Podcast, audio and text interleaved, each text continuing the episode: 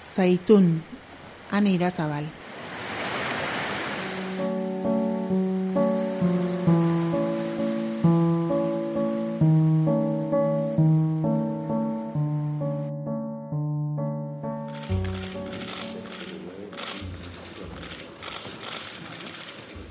Egunotan ez da beste ezertaz hitz egiten hemen Alemanian. Egunkarietan, telebistan eta sare sozialetan adineko pertsonak ikusi ditugu, aitona monak, gurpila ulkian epailaren aurrean deklaratzen. Eta akusatuen mailan daude. Guztiek karpeta edo liburu batekin tapatzen dituzte aurpegiak eta ez dute inork haiek ezagutzerik nahi. Larogeta masai urteko andre bat gainera, ies egiten saiatu da epaiketa hasi baino lehenago. Ia larogei urte pasa dira bigarren mundu gerra amaitu zenetik, eta garai hori bizi izan zuten herritarren artean ez da ia inor biziri geratzen. Ez biktimen aldean, ez da kriminalen aldean ere. Ich bin eine der letzten Auschwitz-Häftlinge. Leon Schwarzbaum, Auschwitz konzentrazio esparrutik bizirik atera zen, baina bere gurasoak eta osaba bertan akabatu zituzten.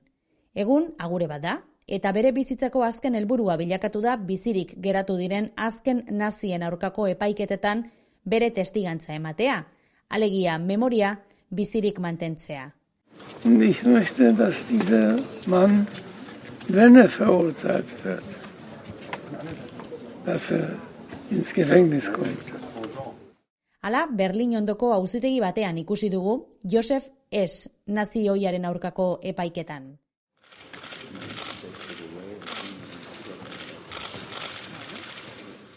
Josef Esek, hogeta bat urte zituen, Berlin ondoko Saglehausen konzentrazio esparruko guardia bilakatu zenean. Mila bederatzireun da berrogeta bia zen, eta ordurako, hirugarren reijak, hasita zuen juduen, homosexualen, hijitoen, eta oposizioko kideen aurkako genozidioa. Ergebnis nicht das Sieg des Judentums sein, sondern die Vernichtung der jüdischen Rasse in Europa. Bansiko konferentzian, azken konponbidea izenarekin batailatu zuten Europako juduak akabatzeko hitzarmena eta Josef momentu horretan hasi zen kontzentrazio esparruan lanean. Gaztea SS-en, Alemaniako talde paramilitarrik garrantzitsuenaren kidea zen. Göring gave a clear order by Hitler. Josef S-eren eginkizuna argia zen. Eremuko perimetroa kontrolatu behar zuen eta bertan zeuden presoak eriotzera edo lan behartuetara bideratu.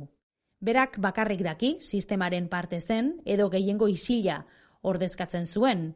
Bere defentsak argudiatu du derrigortuta joan zela eta SS-etan erroldatzen ez zirenak etxaitzat jotzen zituztela, baina Alemaniarentzat berdin da.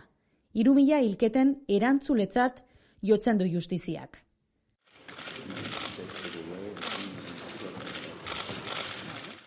Amarkada luzez, Alemaniak etzuen inolako presarik izan naziak atzemateko.